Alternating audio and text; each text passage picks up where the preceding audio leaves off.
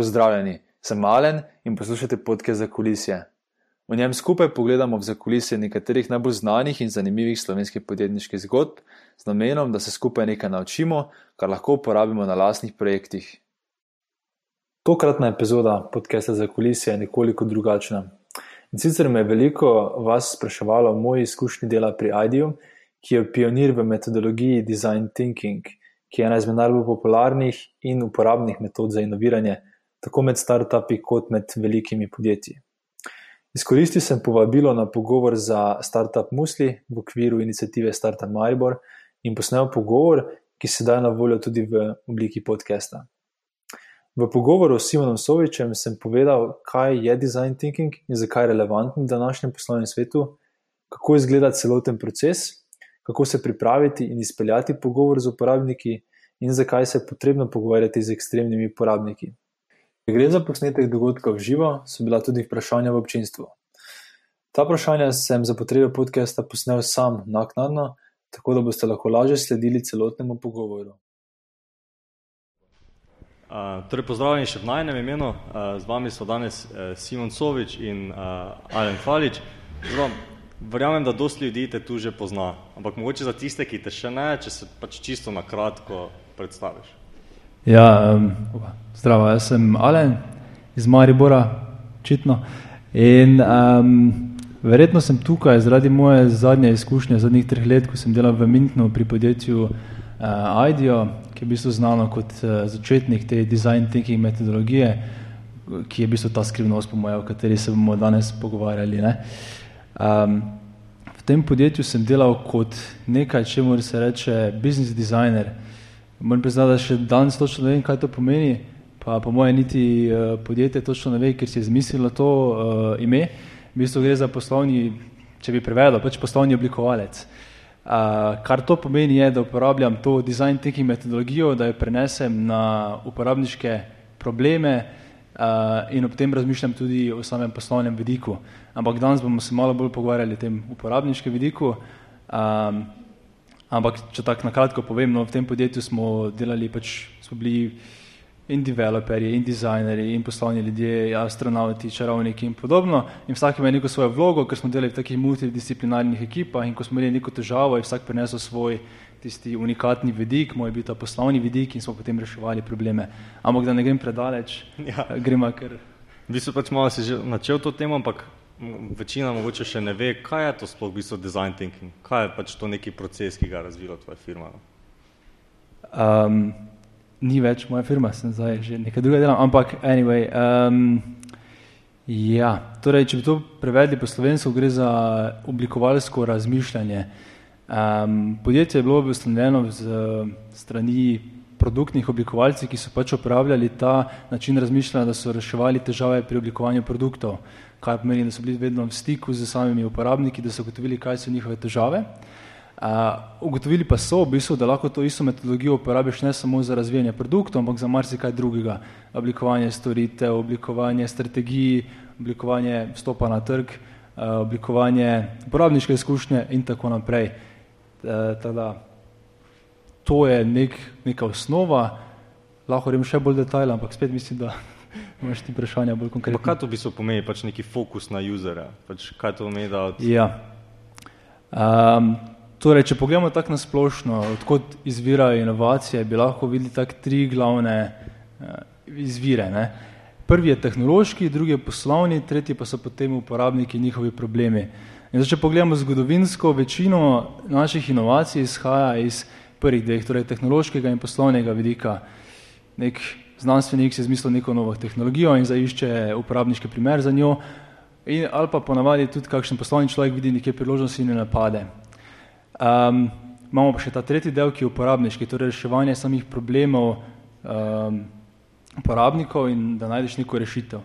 In kaj se dogaja s tema dvema uh, tehnološkim in poslovnim je, da se v bistvu dekomoditizirata oziroma da v bistvu postajata commodity, torej se komoditizirata kar pomeni, da če si ti danes, in mi smo dosti delali tudi s temi prav nemškimi podjetji, ki so zelo znana potem, da imajo tehnološko vrhunske uh, produkte, Uh, kar se pa je dogajalo, je, da so vedno bolj čutili pritisk uh, strani Kitajske in ostalih držav, kjer so dejansko lahko te produkte naredili skoraj podobne, mislim, skoraj iste, za dosti nižjo ceno. In se ta tehnološki in poslovni vidik sta začela zelo, sta, sta postala tak nek red ocean, kot se temu reče, torej da se dost um, kompetitorjev oziroma uh, konkurentov ukvarja s tem. Jaz se pravi čujem, če angliščino malo uporabljam, ampak imam to v glavi zdaj, ker smo tam angliščini delali, tako da mi, mi to oprostite.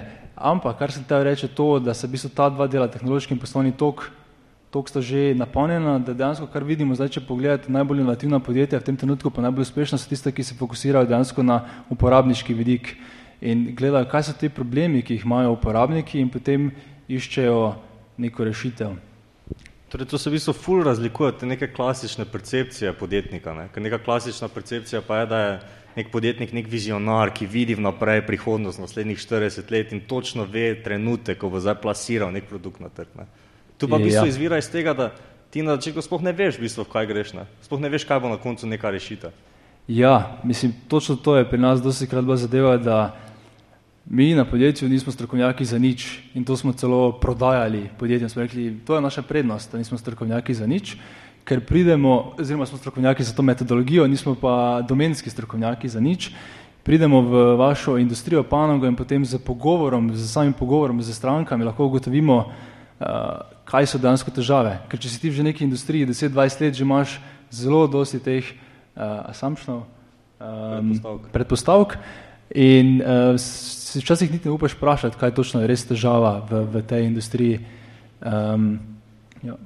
Kaj pa je v bistvu zdaj proces?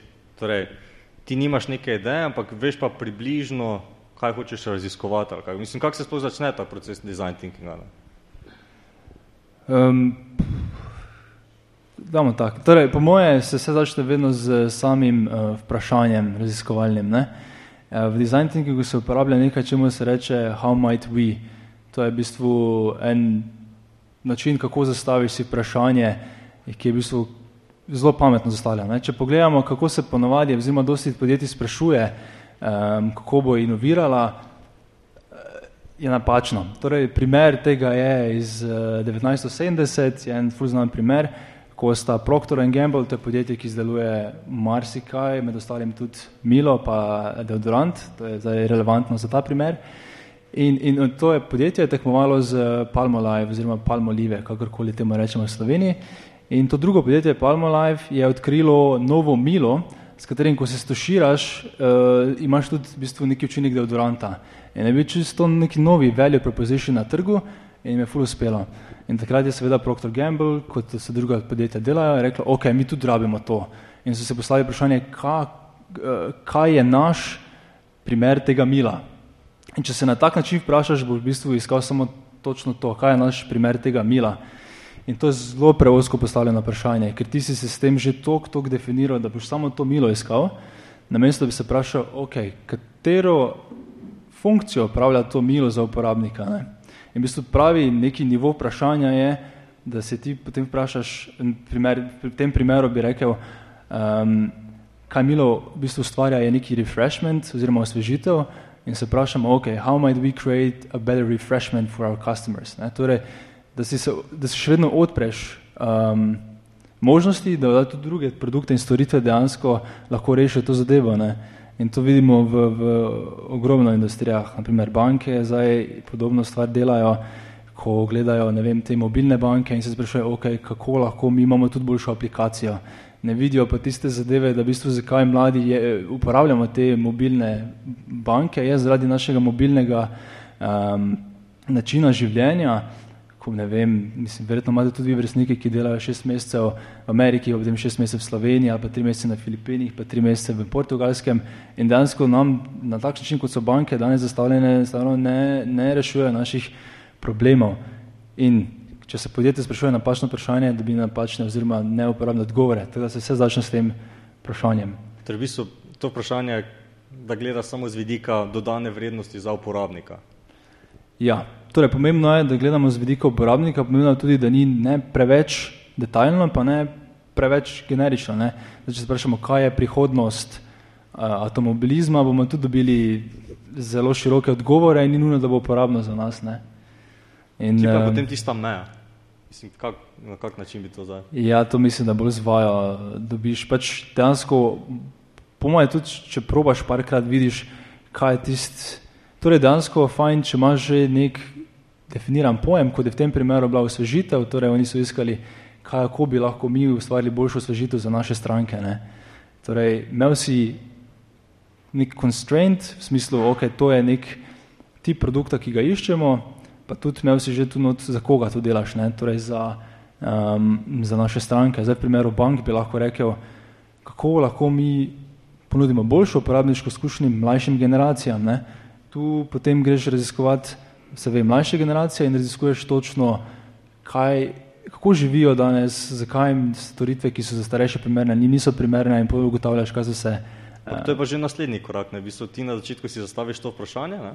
pač kako izboljšati uporabniško ja. izkušnjo mlajše generacije, ja. zdaj pa greš ti na neke teste naprej, ali kaj? Imaš to neke Ja. Kak, kak, kak je zdaj ta naslednji korak, ki si ga v bistvu omenil? Ja, ja, zdaj sem full časa porabil na tem vprašanju, ker je res pomembno, ampak potem v drugi fazi um, design thinking je kvalitativna metoda raziskovanja. Um, to v osnovi pomeni, da v bistvu delaš intervjuje in um, ti intervjuji so v bistvu ključ design thinkinga. Ko ti definiraš samo vprašanje, potem naslednja, naslednja stvar, ki jo narediš, je, da definiraš približno, kdo je profil tvojih sogovornikov. Um, ponovadi, kar delaš pri anketah, je, da, da iščeš 100-200 ljudi in potem iščeš poprečje tega. Pri design thinkingu je v bistvu bolj iš, iščeš inspiracijo. Tada se dosti krat zatekamo k temu, da se pogovarjamo z ekstremnimi uporabniki. Ekstremni uporabnik v primeru banke spet lahko tudi kakšen drugi primer uporabim, če, če želi kdo, če ima kakšno idejo, na kateri dela, ampak bom zdaj kar to naprej uporabljal. Torej v primeru banke bi ekstremni uporabnik bil mogoče, um, v primeru slovenske banke bom rekel, bil nek mlad, ki, um, ne vem, 26 let freelancer, ki šest mesecev na leto dela v tujini in tudi ko je doma, je tudi zelo mobilen, eh, nima niti svoje pisarne in podobno. Ne. Torej imaš ta ekstremen primer eh, in pogledaš, kaj vse se v njegovem tej upravniški izkušnji dogaja in kaj vse je, um, kar ni vredno, kot bi moglo biti. Um, to je en del, ne. torej da iščeš prave profile. En del so ti ekstremni uporabniki, drugi del so potem uh, analogne uh, teme, Torej, če se mi zdaj pogovarjamo o, um, naprimer, da bi delali za neko avtoindustrijo, ne? dejansko, kar raziskujemo, niti ni zdaj, niso avto, ampak je transport.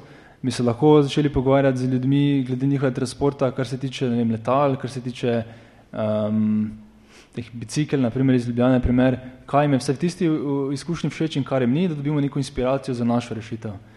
Torej imamo te ekstremne, imamo analogous experience oziroma interviews, Um, potem pa še vzamemo par seveda poprečnih, da nekako dokažemo celo zadevo. Je pa tako, no, ti v anketi res iščeš tisto veliko številko, tu pri kvalitetni metodi dela pa dosti krat ugotoviš, da se ti že po desetih, dvajsetih intervjujih začnejo ponavljati iste zadeve.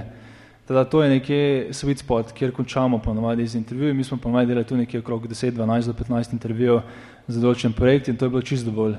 Vem, da se sliši ful malo, zato ker smo navajeni teh številk 200, 300, 500 do 1000, ampak verjamete mi, da z 12 že se da zelo dosti naučiti. Um, grem kar naprej, kako zdaj intervjuji? Ali... Samo eno vprašanje še vmes. V bistvu je to ful zanimivo, ne, da na mesto tega, kar te uči, ne vem, neki link canvas ali pa business model canvas, ne, da ti gledaš tipično persono za ta produkt, ti v metodi design thinkinga v bistvu iščeš zgolj inspiracijo v tej fazi. Ne. Ne, in zato gledaš tudi te ekstremne primere, kot so pač neki outlieri na obeh straneh. Ne? Ja, ti načeloma, mislim, zdaj, ta primer, ki sem ga povedal, je bolj za, za inspiracijo, je pa možno uporabiti tudi za validacijo to metodo. Ne? Je pa mogoče v tem primeru jo smiselno povezati z kakšno kvantitativno metodo ankete in podobno. Ok, kaj pa naprej? Naprej. Uh, pa dajte me kar uh, prekiniti, če imate kakšne vprašanja, um, kadarkoli, okej? Uh, vem, da to v Sloveniji ni navada, ampak um, če kdorkoli od vas razmišlja o Erasmusu ali če čem podobnem, boste šokirani, ko prijete v tujino. E, iz osebne izkušnje povem, ko sem začel v tem podjetju delati, sem potreboval ne tri do štiri mesece, da sem se navadil na to, da sem bil edini, ki, ki, ki ni govoril pri kosilih. Vse jim je bilo enostavno tako fajn govoriti in dajati svoje mnenje in spraševati, da dejansko izostaneš, če, če tega ne počneš v, v modernih podjetjih in v modernem tem ekosistemu poslanem. Tako da, če ima kdo kaj, kar naprej. Pa tudi se tako je prej rekel, tudi lahko vem, svoj primer poveste, pa vam proba tudi na nek način. Ja, lahko pomagati, on the spot, ne. mogoče, kaj rešimo. Okay. Ampak da grem zdaj torej naprej, če se bo kdo pogumo, seveda. Ja. Prvo vprašanje iz občinstva. Zakaj bi vzeli ekstremnega uporabnika in ne poprečnega, saj bo večina uporabnikov poprečnih?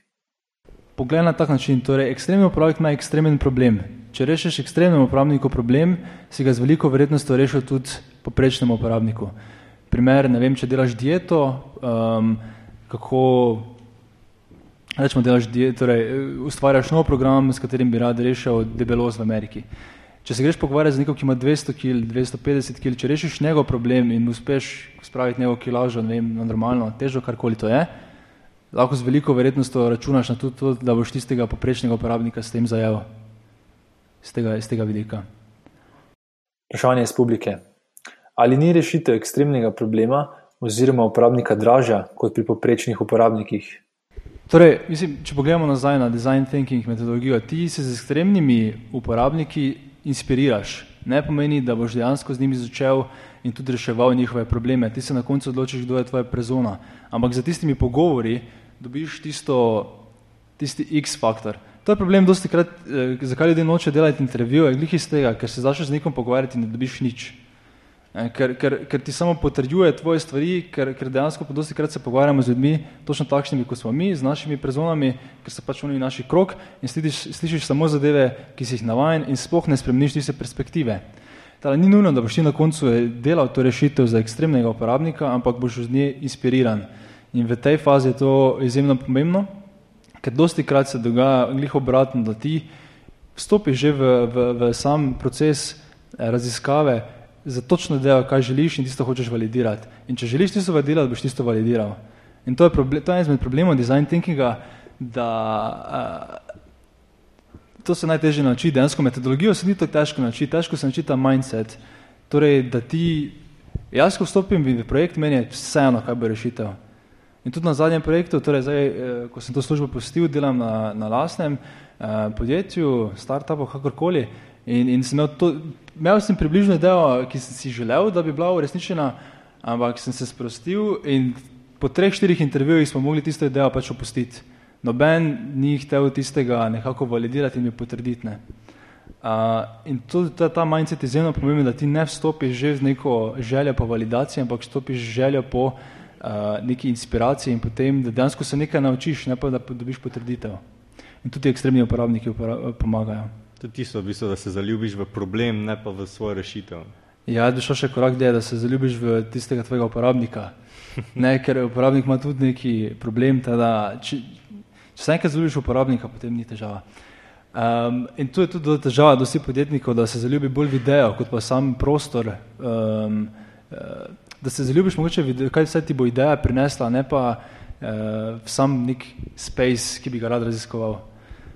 Zdaj malo to si tudi omenil, v bistvu, da je velik problem, da ko ti v bistvu delaš intervjuje z nekimi uporabniki, da moraš paziti, da ni to samo pač, pa pardon izrazu, neka mentalna masturbacija za tvojo idejo. Ne? Torej, na kak način moraš ti v bistvu postavljati ta neka raziskovalna vprašanja, da ne na, sprašuješ samo po ja. validaciji? Um, Torej, če se pogledamo samo vprašanje, oziroma sam tip intervjuja, torej, to gre za izjemno odprt tip intervjuja, ponovadi traja med nekje 60 in 90 minut, z razlogom traja toliko, ker se ponovadi ti nek neznanec zelo dolgo časa odpira. Traja pa preče, ne vem, 45 do 60 minut in komaj tiste zadnje pol ure potem dobivaš tisto, kar bi res rad dobil. Um, Na način, kako pa, v bistvu, fulje pomembno, kako na začetku, um, potem ko zbereš ljudi, kako, ko dejansko dobiš na intervju, frejmaš cel intervju oziroma ga uokviriš. Kar je pomembno, da v tem prvem delu skomuniciraš, je, da nisi tam, da bi nekaj validiral in da si fulj zainteresiran za to, kar si oni želijo. Ne. Uh, oziroma, da si pač želiš slišati, kaj, oni, kaj njih muči. In ljudje fulj radi govorijo o svojih problemih, še posebej, če je nek problem, ki jim je blizu in, in slišiš lahko izjemno zanimive zgodbe, ampak izjemno pomeni, da na začetku ti tam potrdiš njim, ker ti ko priješ, ti oni ne vejo točno, zakaj si ti tam. Ker dosti krat ko slišiš, ok, jo, jaz vam še spet neki intervju z nekim market research podjetjem. In dosti teh market research podjetij je um, dejansko ima neko agendo, ko pridejo tja, ali pa pridejo celo včasih z klientom, klienti pa nažalost dosti krat pridejo na intervju tudi z nekimi toč, določenimi idejami, kaj želijo validirati in potem tisto potiskajo naprej. Imajo vprašanja, ki so zelo uh, neprimerna z vidika, da dejansko vodijo uporabnika na mesto, da bi bila odprta. To prijemo do naslednje zadeve. Torej, ko fremaš pravilno potem ta intervju, potem prije ta drugi del, ki, je, ki so odprta vprašanja. Um, tu dejansko sprašujemo o tem, naprimer, to, če se pogovarjamo o zarovalnici pa o banki, ali bomo zdaj zarovalnico vzeli, pač lahko vprašaš uh, uporabnika, kako je izgledalo, a mi lahko opišeš, kako je bilo zadnjič, ko si sklenil zavarovanje. Um, tu že dobiš eno uh, informacijo, oziroma koga se ti splača mogoče intervjuvati, so ljudi, ki so pred kratkim sklenili zavarovanje, zato ker bojo se boljše spomnili. Torej, vprašaš tega, kako je bilo zadnjič. In potem greš skozi ta celi postopek. Ne? To je izjemno odprt intervju. Začneš zgodbico in potem se spuščaš v same detajle, ki te zanimajo. Vem, bomo začel razlagati, ja, najprej sem poklical tega, pa tega, pa se potem tisto zgodilo. In čist vsako to informacijo lahko gremo en nivo spodaj in ugotavljamo, če ugotovimo, da je nekaj zanimivega, gremo pač vedno globje. Um, če pogledamo spet nazaj na ta vprašalnik, torej odprti vprašanja, In ponovadi je tako, da probaš spraševati o preteklih izkušnjah, ne o nekem, kaj bi bilo, če bi bilo, ker pač to ne ve, kaj bi bilo, če bi bilo. In um, ga pelješ skozi njegovo uporabniško izkušnjo. V primeru zarovanja torej lahko govorimo o odprtju računa, potem kako je bilo, če si imel škodni primer, kako je bilo, če si zamenjal zarovanje, um, kako poteka plačevanje. Pač dejansko se dotakneš vse nekih touch pointov in probaš ugotoviti, kaj je narobe. Probaš pa intervju zaključiti z, z, z tem skritim orožjem tega design thinkinga, temu se preče uh, sacrificial concepts ali pa provokacije. Um, sacrificial concepts, to so, ne vem sploh ne kako bi prevedel po slovensko, to so koncepti, ki si jih pripravljen žrtvovati. Žrt, žrtveni koncepti se mi sliši zelo narobe, um, tada, ampak namen tega je, ti predstaviš določene ideje, ki jih ti imaš v rešitvi, ampak spet uporabniku poveš ja, mene dansko, če mi poveš, da je ta ideja slaba, bom vesel, samo povej mi zakaj. In namen, zakaj dajemo te ideje na koncu um, projekta, uh, pro intervjuja uh, na planu, je zato, ker se ljudje lažje razgovorijo ob konkretnih zadevah. Spet, če sprašujem um, o njegovi izkušnji, se bom nekaj zadeve spomnil, ampak komaj, ko mu neko idejo predstavim uh, na, na rečemo semi-detailed uh, način, uh, bo, bo on lahko zgrabil neke detajle in rekel, da okay, to je katastrofa iz tega in tega razloga, ali pa to je pa res kul iz tega in tega razloga. In mi smo na te sacrificial koncepte testirali marsikaj, od brenda, ko, ko je kar težko testirati, do samih um, idej, kaj bi bila ideja, do pricinga in podobno. Primer, en zanimiv primer, primer je bil, uh, ko smo delali na projektu za, za uh, facial care, torej za kreme za obraz, za ženske. In um, dejansko smo ugotovili, da en izmed insightov, tega še pridemo, insightov je bil, da uh, se keža, koža več čas menja, oziroma percepcija je, da nikoli ne najdeš tiste prave kreme. In uh, zato smo prišli v idejo, ok, torej ta naša ideja ne bo produkt, ampak bo storitev, torej bo neka krema, ki se bo prilagajala. In um, kar je bilo zanimivo, ko smo prišli do pricinga, Pač, če slišiš storitev, iz mojega vidika poslovnega, to gre za subscription ne? in gre za neko naročnino, ker pač tudi znižaš neke eh, frikcije potem pri, pri naročilih in podobno, ampak to je bil totalni no-go.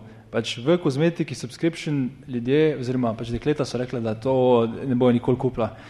In tu smo pač dobili en izjemen insight, da dejansko celo zadevo ne smemo predstaviti kot subscription, ampak mora biti nek drug način. Ne? In, in smo potem našli rešitev za to.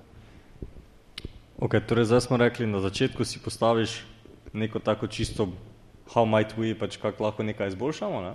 Ja. Potem greš do tega, da začneš zbirati neke uporabnike oziroma tudi neka raziskovalna vprašanja, bolj konkretna, da veš tudi, kaj boš tiste uporabnike potem nekaj spraševal. Ne? Kaj pa zdaj naprej v bistvu? Oziroma narediš Rečemo, da, da so intervjuji že narejeni. Ne? Ja, evo, kaj pa zdaj?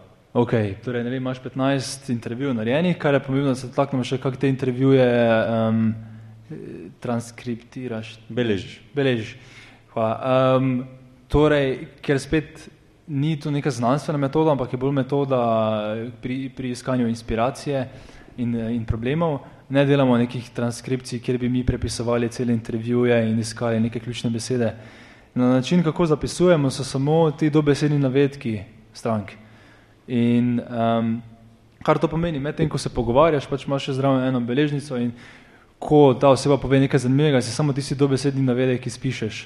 Na koncu pogovora imaš, ne vem, 10-15 dobesednih navedkov. Torej citate, v bistvu. Citate, zbiraš. ja, to je boljše, vse, citate. Torej, in, in, in kar imaš ti na koncu, ne vem, rečeš, si naredil 15 teh pogovorov, imaš tako, tako število teh citatov in potem iščeš vzorce. Ne?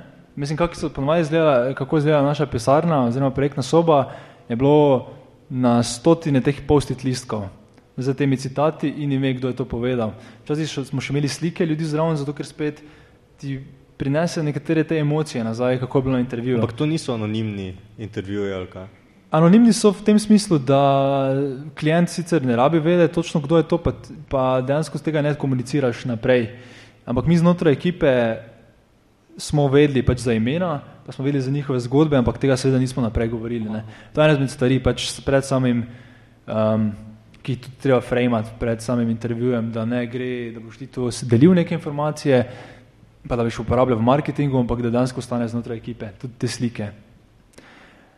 Kar imaš torej na koncu so ti dobesedne navedke, iščemo vzorce in, in to, je pač, to je pa najtežji del um, same metodologije, ker je tu, če gremo nazaj na tisti primer, ko imaš neko idejo, Če imaš ti spet neko idejo vnaprej in potem bereš tiste uh, uh, kvote, boš hitro našel način, da tisto validiraš. To je res torej pomembno, da si zelo odprtega um, uma in pomaga, da, da delaš to v neki ekipi ljudi, ki, vidijo, ki imajo različne neke poglede. Ne? Torej, ne vem, če imate v ekipi UX-era, UR, developerja, marketingerja, vsi naj bojo na kupu, ker tu potem vidiš res tisto, tu dobiš potem tisto, kar te bo gonilo naprej, tri mesece, leto, dve. In, in bolj, ko razumeš te insajte, bolj, ko jih znaš zgnest v nekaj zanimivega, boljše bo. Um, torej, kaj dobimo iz teh samih intervjujev, so pa ti insajte oziroma dognanja, bomo to po slovensko poimenovali. Um, to so pa ti stavki, ki ti dejansko potem pomagajo oblikovati naprej uh, tvojo rešitev. In uh, no, en, en primer sem že povedal, torej, um, da to iskanje perfektne kreme je never ending story za, za dekleta. Um, in tak en insight ne, je lahko, mislim, izjemno uporaben z tega vidika, da ti zamenja celoten koncept in celoten produkt in, in, in, in, in mislim, koliko denarja ti to lahko prišpara z poslovnega vidika, dejansko ti v tako zgodnji fazi ugotoviš, kaj dejansko ljudje želijo, pa kaj ne želijo, Uh, to se sploh ne da, mislim, da oceni denarjem, da, da dejansko razumeš svojo stranko. Um, en primer, mogoče še um, je, ko smo delali tudi intervju z um, pacijenti v, v Ameriki in um, naš klient je pač želel, da ugotovimo, um, kje bi nek produkt lahko prodajali in potem smo ugotovili, da v bistvu pacijenti, eh, diabetiki v Ameriki spoh ne hodijo k specialistom, ampak hodijo k svojim eh, doktorjem, tistim general practitioners, torej, družinskim doktorjem. In to ti zamenja celoten poslovni načrt. Ne. Ti spoh, torej, tvoji diabetiki sploh niso tam, kjer si mislijo, da so, ampak so nekje drugje. In če ti dejansko, ti dejansko prodajaš ta svoj produkt doktorjem, ne pa pacijentom, zamenja celoten value proposition, ker moraš ugotoviti, kaj so težave tega družinskega zdravnika, zakaj bi on kupil tvoj um, um, produkt uh, in ne pa specialist. Vprašanje iz publike. Se s to metodo iščejo rešitve samo za produkt ali tudi za različne druge elemente poslovnega modela? Ja, dejansko za vse. Um, prej sem dal primer za pricing, ta primer, ki sem ga zdaj povedal, je dejansko točno za channel, ker si ugotovil, da en channel ni uporaben, ampak je drug. Um, uporaben je torej za sam produkt, za celotno izkušnjo. Um, naprimer, lahko ti tudi pomaga ugotoviti, kako pogost kontakt želi stranka z tvojim produktom. Ena težava, ki jih dosti klientov ima, je, skoraj vsako podjetje verjame, da njihov produkt, okrog njihovega produkta se, ži, se vrti življenje um, uporabnika. Ne? Naprimer, jaz ne vem, zakaj bi hotel imeti aplikacijo od Europarka. Pač ne bom dodatne aplikacije downloadal, zato da vem, kje je trgovina, bom pač poiskal, ko sem tam. Um, in, in dosti podjetij dela podobno zadevo, da dejansko mislijo, da so v centru. In, in, in to, ko ugotoviš, ok, tudi krema, na primer, je dokaj blizu uh, dekletom, ne, Mislim, so, ne želim biti uh, diskriminatoren, ampak to smo tudi ugotovili. Po drugi strani pa si ne želijo imeti toliko konkretnega stika z podjetjem, ki to proizvaja. Ne, mi smo najprej razmišljali o tem, ok, kaj če bi imeli tedenski e-mail, kjer bi mogoče povedali, ok, zdaj pa je eh, jesen, to pomeni, da se je to spremenilo za kožo, bla, bla, bla. Pa več smo ugotovili dokaj hitro, da ne želijo tega, ne, da želijo mogoče enkrat na tri mesece biti opozorjene na, na spremembe in podobno. Tada, eh, dejansko lahko uporabi za, za skoraj vse. Okay, torej zdaj smo prišli do tega, da imamo še insighte. Ja. Kaj pa zdaj naprej? Zdaj sledi verjetno neka sinteza, preden potem res začneš konkretno delati na nekih iteracijah. Uh, insight sam je že, že sinteza. Um, ko enkrat imaš sintezo, potem v naslednji fazi um, dejansko začneš iskati to, to konceptno rešitev. Potem pride ta del, da smo se dosto raziskavi pogovarjali, zdaj pa pride ta bolj um, masažni del. Ne. Torej, ti imaš te insajte, zdaj pa iz teh insajtov lahko pride marsikaj ven. In tu zdaj dejansko je skoraj da drugi najtežji del projekta, kjer si treba iz teh stavkov nekaj izmisliti. In mogoče dosti vas niti ne razumem, kaj zdaj mis, mislim s tem, zato ker veliko krat, ko, ko imaš neko idejo, imaš ti zelo specifično idejo, kaj želiš narediti in ti je jasno, kaj želiš narediti, pač je aplikacija, ki dela X. Ja, če si ti podrto svojo idejo o aplikaciji, pa si dobil neke insajte, si na ničli in ne veš točno, kaj je ta rešitev. In tu imaš dejansko ogromno možnosti. A bom zdaj naredil uh, vem, spletna stran, ali bom naredil um, uh, brick and mortar um, shop za, za varovanje ali bom naredil kaj druga. Pač tu danes zdaj treba tiste mišice brainstorm vklopiti in razmisliti, kaj je tista prava rešitev. Kar je mene zelo impresioniralo, je bilo to, da smo mi šli v, v neverjetne detajle, kar se tega tiče. To ne pomeni, da smo mi samo rekli, ok, rešitev je aplikacija, ki dela to, ampak mi smo tisto aplikacijo zdefinirali do detajlov. Um, zato ker ti dejansko sploh ne veš, kaj je ideja, dokler jo ne definiraš čist do konca. Tisti, ki ste že mogoče malo dlje v podjetništvu, veste, o čem govorim, pač ti si včasih misliš, da nekaj veš, uh, pa pa dejansko, ko komaj probaš tisto na papir dati ali pa narisati prvi screen, si tak, ok, to lahko na 20 različnih načinov naredim. In, in, in tu je treba potem, um, tu pa prije malo drugi del uh, znanja, no, no tu potem dejansko moraš biti ali malo dizajnera, da, da znaš delati uh, user interface ali user experience in podobno. In um, ja, to je tam bilo na vprašanje. Vprašanje iz publike. A ste to še vedno počeli sami ali skupaj z naročnikom? To smo še vedno sami počeli. Um, je pa klient vključen. Kar sem pozabil omeniti, je to, da je pač v tem samem procesu to ne pomeni, da se mi zapremo za en mesec, dva meseca, pa zdaj um, govor, pač razmišljamo, kaj bo rešitev, ampak tudi v tem procesu lahko uporabiš enkrat te kontakte, ki si jih uporabil prvič za intervjuje. Uh, ker ti ljudje so ti že dali svoj čas in dejansko ti za njih rešuješ problem in, in neverjetno, koliko so dejansko oni tudi potem ti pravilni pomagati naprej. Rečemo torej, da si ti zvedel neko zadevo X in si potem razvil rešitev Y, karkoli to je. Lahko reči nazaj pač do svojih uporabnikov, pač ok, to je za neka hitra ideja, ki jo imamo, kaj si misliš o tem, ne? in ti bo z veseljem pač pomagali tudi dejansko ti so definirati um, do, do neke faze. Isto greš v neki UX proces čisto, ne? Ja, pač ni samo UX, je pa zelo baziran na tem. Tu smo pač v tem, v tem v tej fazi smo dosti krat narisali pač na, na, na um, tablo um, pač ta funnel, ne? torej kaj je prvi stik uporabnika z, z, z rešitvijo. Flow. Flow, user flow, user journey in potem iz tega marsikaj izpade. Ne? Najprej je to samo en veliki zmazek, potem pa vse te, skoraj vsako točko je treba definirati. Ne? Okay, v tem trenutku pošljemo e-mail, v tem trenutku je app notification, v tem trenutku je neki klic. Pač to je treba res dobro definirati, da dobiš dejansko potem neko rešitev, ki, ki ljudje radi uporabljajo. Ne?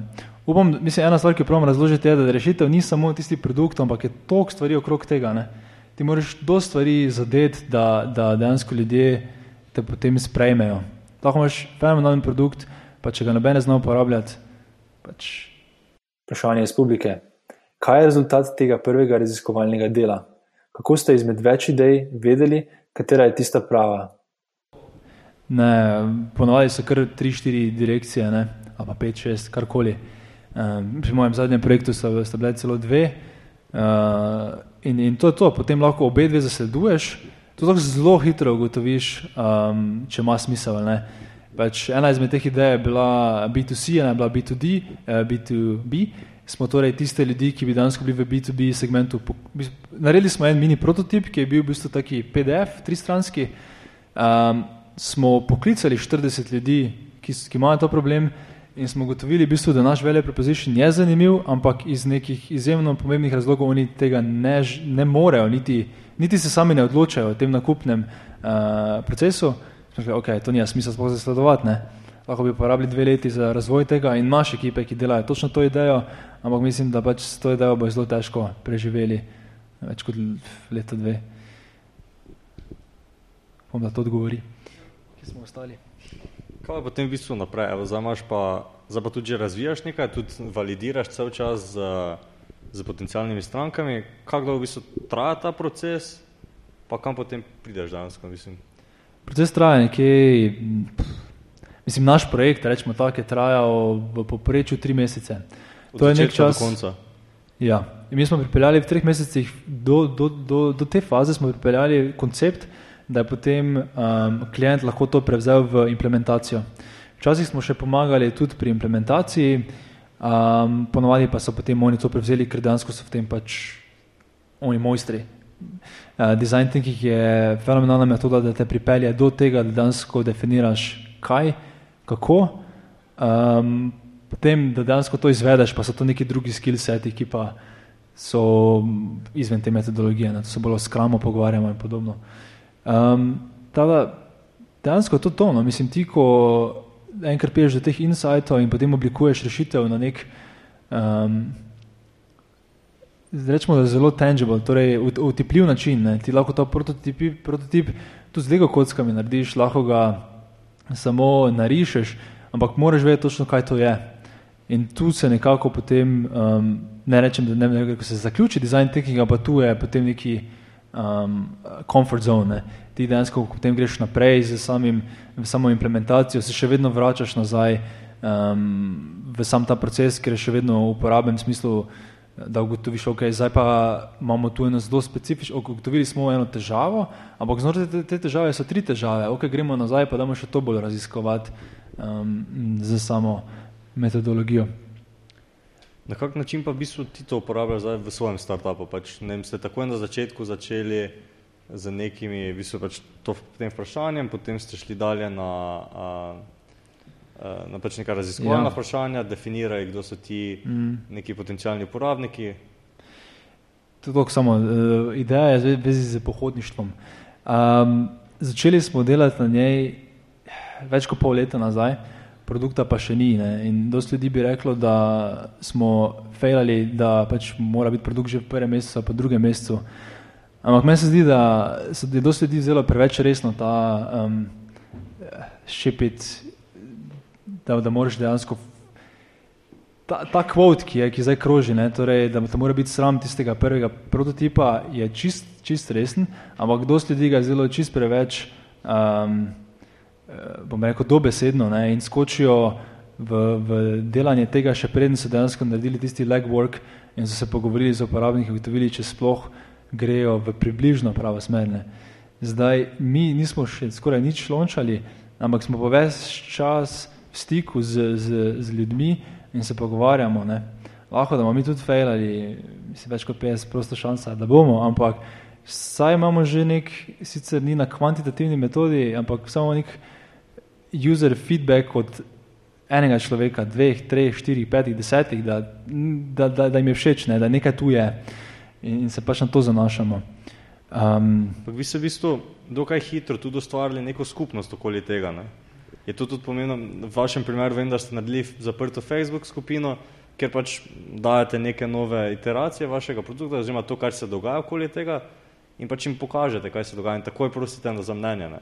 Torej, bi ja. to nek način, kako zbirati. Ne? Ja, točno to. Ne. Tiste, ki smo intervjuvali čisto na začetku, so zdaj postali naši eh, upam, da bo nekaj dni pač ti evangelisti, ampak njih več čas gušimo. Ne?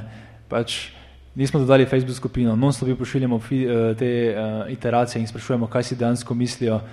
Um, Facebook Messenger je moj najboljši prijatelj zadnje mesece. Pač dejansko karkoli imam novega, samo pošljem tako ljudem, pa vprašam, okay, kaj si misliš o tem, gre v pravo smer, kako bi to naredili. In, in probamo bila ta community z tem stikom. Ne? Um, ker zelo hitro ljudje pozabijo, da so imeli neki intervju s tabo, če pa ustvariš neki community, pa dejansko non-stop imaš neke update, tudi oni začnejo o tem govoriti uh, in začnejo govoriti prijatelje in začnejo prijatelje potem povleči v ta community in se gradi nek hype okrog tega produkta, ki ga pa še ni. Um, ja. Tudi vem, da za en dotični primer, naprimer, ko ste v bistvu ste delali neko maskoto za svoj produkt ne, in ja. niste vedeli točno, kako bi ga poimenovali ne, in ste dali vi eno ime je potem dansko na koncu se mi zdi, da zmagalo tisto, kar je nekdo napisal v komentarju. Čisto, Ni še zmagalo, ampak ja, mislim, to je potem tak neki eh, fajn način, ko tudi ljudi potem vključiš, ok, ne vemo točno, kako bi bilo ime, imamo te tri ideje um, in, in ne vem, kaj si vi mislite o tem in, in, in tu potem community zelo rad pomaga ne. Um, in ga lahko, mislim, z veseljem ti pomaga, ker danes, ko ti rešuješ njim težavo, si jih poslušal. In uh, zdaj se mi je že parkrat zgodilo, da ljudje rečejo, ok, ki je že to, komaj čakam. Pač, eh, dejansko to delaš za, za nekaj, kar jaz res imam težavo z tem in, in, in komaj čakam, da pač tisto pride ven. In, in um, iz tega vidika tudi, mislim, da intervjuji so eni um, tudi zelo zanimivi, kar se tiče nek, nek tool za bildanje komunitija, pa tudi mogoče za sales, ne. ker neverjetno je, koliko so ljudje bolj pripravljeni nekaj kupiti od tebe, ko greš na ta intervju, pa jim nič ne prodajaš, ampak samo sprašuješ o problemih, pa pa jim vsake toliko poveš, ok, zdaj to zadevo razvijamo in, in ti ljudje so v poprečju neverjetno pripravljeni nekaj kupiti od tebe, bolj kot pa tisti, ko si jim šel in si probo dejansko nekaj prodatne. Če se samo pogovarjaš o težavah, je tisto, to do ljudi nismo navajeni. Ne? Ja, ker je verjetno tudi ta efekt tega, da se počutijo, kot da so so ustvarili ta produkt, ne? ker vidijo verjetno neke svoje inpute v produktu, ne? se počutijo del celote. Ne? Verjetno tudi, ja. ja. Um, ok. Zdaj, preden, zdaj se počasi pri, približujemo zaključku, ampak moče zdaj, če ponovimo, vi so pač tisti, ki se lotijo design thinkinga. Ne? Na kaj morajo biti res pozorni, pač kje so tisti neki pitfalli. Design thinking si lahko ful preberete na internetu in to ni za neki magic bullet, uh, ki bo rešil vse težave daleč od tega. Um, samo metodološko, to, kar sem povedal, to se vse da, da najti na mediumu, če poznate medium.com, uh, samo pišete tam design research, ogromno tega, kar sem zdaj povedal, je tam. Težki del, ki se treba ga naučiti, je ta mindset, uh, je to biti dejansko pripravljen završiti svojo, svojo idejo in, in da se zaljubiš v, v uporabnika, ne pa v, v, v samo rešitev. Um, drugi del, ki je po mojem zelo pomemben, je pa ta, da, um, da si v ekipi. Težko je, mislim, bolj pomembno je, da imaš različne perspektive. Zato tudi IDEO najema tako različne ljudi, kot so čarovnik in potem na drugi strani je nekdo, ki je končal poslovno šolo. Ker ti si čarovnik, mislim, res je vezansko čarovnik na njih projekti zraven, on vidi neke čist druge stvari, kot pa nek poslovni človek. Ne. In ko bo eno stvar omenil, hej, jaz pa vidim to, bomo vsi drugi tako, ok, wow, to je bilo za ful zanimivo, ne. nekaj lahko s tem naredimo, lahko to uporabimo. Ta, ta multidisciplinarnost je tudi izjemno pomembna. Um, tretje pa samo po moje vaja, pač um, zelo enostavno je odnehati Uh, je pa pač pomembno, da tiste intervjuje znaš lepo oddelati, da, da se ljudje sprostijo. To je mogoče tak tretji del, da s to vajo pač navadiš ljudje, da se sprostijo ob tebi in da ti tistem intervjuju res dajo tisto, tiste, tiste res uporabne zadeve, uporabne informacije, ki, ki, ki naredijo spremembo med uspešnim pa neuspešnim projektom. Vedno pa iščemo neke uh, zgodbice. Ne? Ko slišiš, da ljudje uporabljajo produkte na tak način, kot se ne bi smeli uporabljati, tu, tu samo moraš iti globoko pogledati, kaj se dogaja. Ne. Mislim, v našem primeru smo mi ugotavljali, da eh, ljudje delajo screenshote teh pohodniških poti, da dejansko, mislim, potem, ko ni interneta, da imajo vse lahko shranjeno na mobitelu, screenshote, da lahko preberejo, kam ide naprej, od tega, da iščejo inspiracijo na Instagramu, Pinterestu in podobno. In ko slišiš take zadeve, veš, da je nekaj, nekaj v panogi zlomljeno, oziroma da ne štima. In, in, in tu veš, da si blizu nečesa uporabnega. Okay. Evo še vprašanje? Vprašanje iz publike. V čem so intervjuji pri design thinkingu drugačni od tistih pri fokusnih skupinah? Ali ste pri nabiranju idej ponovadi uporabljali metodo brainstorminga ali tisto, ko vsak napiše svoje ideje? Za najprej drugega odgovoril, pa, pa boste še enkrat prvega povedali, ker sem ga že pozabil. In sicer drugi, eh, torej druga je bilo to. Se to je tisto, v bistvu metodološko gledano, lahko se ti igraš z, z, z veliko zadevami. Um, brainstorm je samo en izmed orodij, ki smo ga včasih uporabljali. Uh, brainstorm je uporaben v sami fazi, ko um, iščeš, ko si dejansko, ne vem, rečemo čisto na začetku, ko iščeš ideje, kakšne provokacije boš uporabljal na intervjuju in potem tik zatem, ko si končal z insighti, ko veš, kaj so insighti in potem lahko še en brainstorming narediš, da spet nekoliko odpreš, da dobiš, ne vem, pet, šest idej, kaj bi to lahko bilo. Ampak kar je pomembno je, da te ideje potem ena ekipa vzeme in mi smo temu rekli, začne masirati. Če, okay, to je teh šest idej, kaj to pomeni? Če vzamemo to, če damo user journey, kaj je prvi točka, druga točka, tretja točka, a to dejansko reši težavo ali ne reši. Tu je tisto, ko dosti ljudi še vedno išče ta magic bullet z, z bullet z um, brainstorming in podobnimi zadevami. Na koncu je pač treba tisto dejansko zmasirati in najti neki koncept, ki, ki, ki ima smisel in ki ljudem všeč. Brainstorming je samo neki začetni del. Zdaj pa mislim, da se spomnim prvega vprašanja, tista fokusna skupina. Fokus in te, ja. um, mi fokusne v dveh letih, ko sem bil tam, smo mogoče, smo mogoče enkrat delali fokusno skupino. Razlik je pa v tem, da ko imaš fokusno skupino, dobiš potem spet neki uh, average. Zakaj? Zato, ker imaš ljudi v, v sobi, ki so zelo glasni in potem nekateri, ki so mogoče malo bolj tihi, gravitirajo k tistemu mnenju. Zato na način, ko jih izoliraš, potem dobiš dejansko mišljenje ene osebe. Fokusna skupina je uporabna bolj v primeru, ko Jaz bi mogoče fokusno skupino tako suplementiral oziroma komplementiral z, um, z brainstormingom, kot nek co-creation session z samimi strankami. Torej ne, da jih jaz zdaj sprašujem, ej, vam je to všeč ali ne, to lahko ugotovim na druge načine, po moje boljše, uh, ampak bolj na ta način, ok, v to smer razmišljamo, zdaj pa nismo še čist, no, mogoče pa nam vi lahko pomagate priti do, do, končne, do končne linije. Še kako vprašanje? Vprašanje iz publike. Ali prihaja do situacij, ko na koncu sami, brez naročnika, iščete rešitve in je leta potem rekel, da tega ne more izvesti? Ja, fuldo vprašanje. E, mislim, ena izmed stvari, kateri, katera je izjemno, izjemno pomembna, je, da vedno razmišljaš o treh vidikih. En je, pa spet po angliško povedal, desirability, torej če dejansko ljudje to želijo, potem je feasibility, če je to dejansko možno izvesti, pa viability. Ne? Za ta del sem ponovadi jaz skrbel, torej ali to ima smisel z finančnega vidika. In um, več čas, mislim, to je izjemno pomembno, da ti na koncu ne prideš z ničem, kar klient tega ne more narediti. Tada, ni to, mogoče tako izpadlo, ampak dejansko ni ta metoda na tak način, da se mi zapremo, pa da en mesec, čez en mesec potem nekaj predstavimo. Mi smo v konstantnem stiku z klientom in uh, probamo ugotoviti, kaj dejansko je za njegovo unikatno situacijo unikatna rešitev. Mi tudi delamo to um, v samih intervjujih, tega sicer nisem razlagal, ker sem bolj z podjetniškega vidika govoril, ampak ko imaš stranko, če delaš consulting, potem delaš še en intervju, ki se reče looking in, uh, looking out so te intervjuje z uporabniki, looking in so pa intervjuji z samimi zaposlenimi, da ti dejansko iz njih izvlečeš, kje so tiste težave, ne? ker dosti krat so neke organizacijske težave, ki jih imajo, ki preprečujejo, da določene rešitve sploh lahko implementiraš. Uh, drugi del je pa to, da ugotoviš, kaj so njihovi, uh, njihove močne točke in da mogoče potem iščeš, ko imamo tistih šest idej, da ugotoviš, kera je pa za njih najbolj primerna. Tako da se ni še zgodilo, no, da ne bi mogli uh, implementirati tega, ker dejansko je, je za njih ta projekt tudi bil narejen oziroma nekako oblikovan. Okay. Je bilo tam še eno vprašanje? Vprašanje iz publike. Ste imeli kdaj probleme poiskati ljudi za te intervjuje? Ja, smo. Um, torej, problem je v tem, da mi ponovadi uh, definiramo te profile na zelo, um, zelo osko, ker vemo, da hočemo imeti nekoga, ki je sklenil zavarovanje mogoče pet mesecev nazaj, pa mogoče, da ima družino, uh, pa da mogoče, da je imel škodni dogodek v tem času. Ne?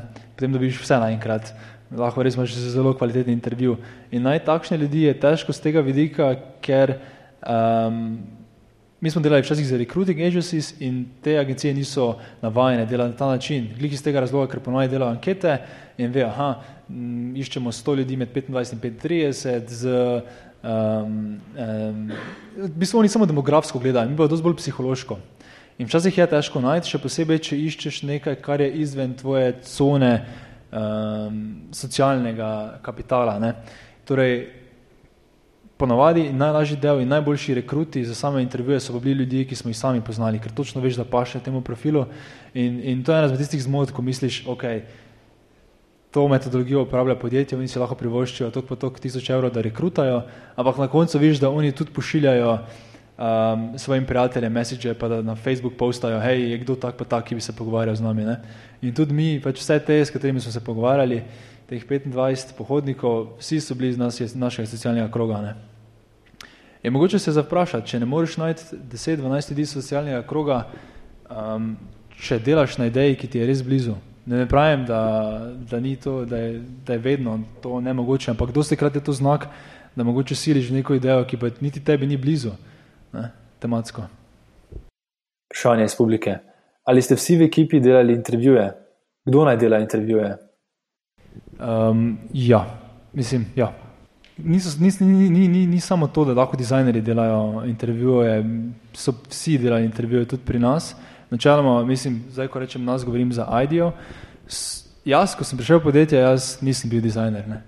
Sem bil daleč od tega. Pač tam smo potem priučili teh zadev in dosti ljudi, ki se pridružijo podjetju, je daleč od tega, da je dizajner uh, in, um, in dejansko, um, da smo pozabili, kaj ste pove. Vprašanje iz publike. Kaj narediti, če nekomu iz ekipe ni prijetno delati intervjujev? Jaz bi predlagal v tem primeru, ne, dobro vprašanje je, pač, če imaš nekoga, ki mogoče ni najbolj prijetno delati intervjuja, pač ni problem. Kako ponovadi intervju zgleda, je, da imaš eno osebo, ki vodi intervju, druga oseba, ki dela zapiske. Tista druga oseba je potem lahko samo opazovalec, je pa fajn, da je udeleženec tega, ker potem tudi sliši iz prve roke, kaj se je dogajalo in lahko dela samo zapiske. Ne. Možno jih je delati tudi sami intervju, ampak je dosti lepše v paru in potem se lahko izmenjuje. Ponovadi je tako, da en tisti, ki vodi pogovor, drugi pa mogoče skoči tu pa tam, če on kaj pozabo, ali pa če njega iz njegovega vidika kaj zanima. Tako da um, mislim, da je fajn imeti nekoga, ki zna voditi intervjuje, lahko je samo en tudi na koncu konca, je pa fajn, da je čim več ljudi vključenih v proces. Čim več različnih kadrov, ne? mislim, da Ja. iz različnih backgroundov, ne? to mislim, Ja. da je bilo bolj vprašanje. Vprašanje iz publike. Bi bilo možno, da trije co-founderji delajo intervju z eno osebo? Pa, bi bilo možno, no? bi bilo možno, se je tudi že zgodilo. Ampak v tem primeru, če so trije, to je ena, mogoče ena stvar. Um, če hočeš dobiti se zgodbice, pa da se ti oseba odpre, ne, je fajn, da je čim manj udeležencev in intervjujev. Tako dva do tri, torej tri, rečemo, da je nekje idealno. Če gremo na štiri, pet, šest, je že ono, wow, ok, vas je šest prišlo tu poslušati mojo zgodbico, ne, je pač malo uh, si prestrašen. Ne. In um, včasih smo pač tudi mi, so bili klienti, ki so hteli, da se naučijo to metodologijo in so bili po dva, tri enoti in potem pač malo zgubiš tisto, tisto kvaliteto. Ena stvar, ki sem pozabil povedati, je pa, da je, kar se tiče samega konteksta intervjuja, zelo pomaga, če dejansko delaš v kontekstu, ki je uporabniku zelo blizu. Če grem jaz na dom nekoga, se bo bolj odprl, kot pa če delamo intervju eh, vem, prek Skypa ali kaj podobnega. Vsega v, v, našem primeru je bilo tako, da so klienti pač plačevali ogromno denarja za to, da smo dejansko leteli na drugi konec sveta in potem se pogovarjali z uporabniki v njegovem domu. Um, um, ampak to vedno ni možno, v tem primeru je pač Skype ali pa pač kavica je tudi v redu, ampak razlog, zakaj je to idealno, je iz tega razloga, ne vem, zdaj, če smo mi pri nekomu doma, pa se pogovarjamo o njegovem bančni situaciji, včasih so nam ljudje pač vzeli fajle ven, pa so rekli, ok, lej, to so zadeve, ne, in so pokazali, le kakšen šop listo sem dobil, se nisem vedel, kaj naj sem delam. Ali pa greš k pacientu, pa vidiš v bistvu, da ima eno tako ogromno škatlo, polno zdravil, pa ne veš sploh, naj z njimi, ne. In to so tiste potem stvari, da je design thinking tudi sestavljen iz observacije, ne pa samo iz spraševanja. Ne. Ti mogoče, ko greš v okolje, v katerem je uporabnik domač, lahko vidiš neke stvari, kjer potem prije do diskrepance med tem, kar on pove, med tem, kar on dejansko dela. Uh, in to je tudi uporabno vedeti, no, teda ni pa vedno možno. Zato je spet fajn, če si blizu te temi, ker potem veš približno, kaj ljudje govorijo, kaj pa res delajo. Še vprašanje? Vprašanje iz publike. Startupi imajo omejen budžet. Kako tempirati ekipo, da v omejenem času pride do uporabnih rezultatov? Ker kot vemo, čas je denar, predvsem pri startupih. Mislim, če tako pogledamo, mi smo sicer to tri mesece porabili, ampak zdaj, če da se tudi hitreje zadevo izvesti. Zdaj, če imaš ti, mi smo dosti časa porabili s tem, kot sem prej rekel, mi smo bili generalisti, pač ničemer nismo bili domain experti, smo porabili včasih po teden, dva, zato smo se mi malo spoznali z, z, z samo temo, da smo naredili te looking in intervjuje z klientom. In to včasih traja dva, tri tedne. Zdaj, če ti že dejansko poznaš full to temo, kar predvidevam, da startup pozna temo, je ta proces že tako tri tedne pač skrajšal. Potem tudi, če zna, imaš prijatelje, ki imajo to težavo, spet lahko greš jutri na pijačo z njimi in si v enem tednu končal z 12 intervjuji. Um, teda da se tudi zelo zadevo pospešiti, ni zdaj tu nek, da rečemo, da tri mesece je najboljši čas. Um, spet je fully odvisno od tega, ali delaš v tem službi, pa to imaš samo vmes. Mm -hmm, pač volja dejavnikov. Teda Po mojem se da tudi pospešiti zadevo, po mojem, v kakem enem mestu se da kar dosti narediti. No, v tem primeru je treba pač stisniti. Vprašanje iz publike. Kako narediti uvod v tak intervju? Um, po primer, jaz bi rekel, ok, mislim, prvo, kar poveš, je, kdo si in kaj sploh delaš tam. Ne? Pač najprej malo, hej, zdravo, kak si. Potem pa več ti poveš, zakaj si sploh tam, rečeš, ja, jaz sem ta pa ta, začeti delaš za klienta, rečeš, delam za tega in tega klienta. Um, kar nas zanima je, kaj so tvoje težave na splošno v tem prostoru. Mi nimamo nobene agende, da zdaj tu ugotovimo, da, da potiskamo neke produkte ali karkoli, vi danes res samo slišali tvoje zgodbice. In, in na ta način nekako pač fremaš se skup, um, poveš še, koliko bo se skup trajalo, vprašaš za tisti konsent oziroma zadovoljenje, da, da narediš sliko, mogoče je to boljše na koncu, ampak ta način torej, da rečeš, kaj počneš, kaj je namen, uh, in potem da dejansko jim poveš, bojte čim bolj iskreni, iskrenost najbolj cenimo, ampak potem res moraš ceniti to iskrenost. Ne? Da ni potem ta zadeva, ko z enimi klienti, ko dobiš fenomenalno informacijo, pa gre nekdo kontrira tiste informacije. Ne? Potem se bo tudi oseba zaprla, eh, ker uh, mogoče ti včasih pove nekaj, kar dosti, dosti krat je tako tudi, da ljudje nekaj na intervjuju komaj obesedijo in ugotovijo. Ne? In se prav sami sebe prestrašijo. In zdaj, da imaš ti nekaj, ki tistemu kontrira, se bo takoj zaprl naprej. Ne? Tam si je komaj začel odpirati. Um, ja. Pa se ti je kdaj zgodilo, da zato, ker si omenil, da delaš za nekega klienta, da je potem pač si opazil, da so bili na enem odgovori malo zadržani ali pa karkoli? To, to tež, mislim, po večini ne. Malo drugače v kontekstu B2B, tam je dost tam, če poveš, za katero podjetje dela, zna biti malo prilagojeno, kaj ti odgovorijo, ampak potem moraš tudi ti eh, to pri sintezi malo upoštevati. Ne? Pač, ok, predvidi, predvidi, predvidiš, da ene stvari so bile mogoče povedane malo skozi razumevanje tega, da boš ti to mogoče posredoval klientu. Čeprav pomaga, to, to, mislim, to mi vedno povemo in mi tega nikoli nismo naredili, da bi mi dejansko identiteto ali pa um, same te, be, te eh, be, beležke, beležke, te zapiske, no?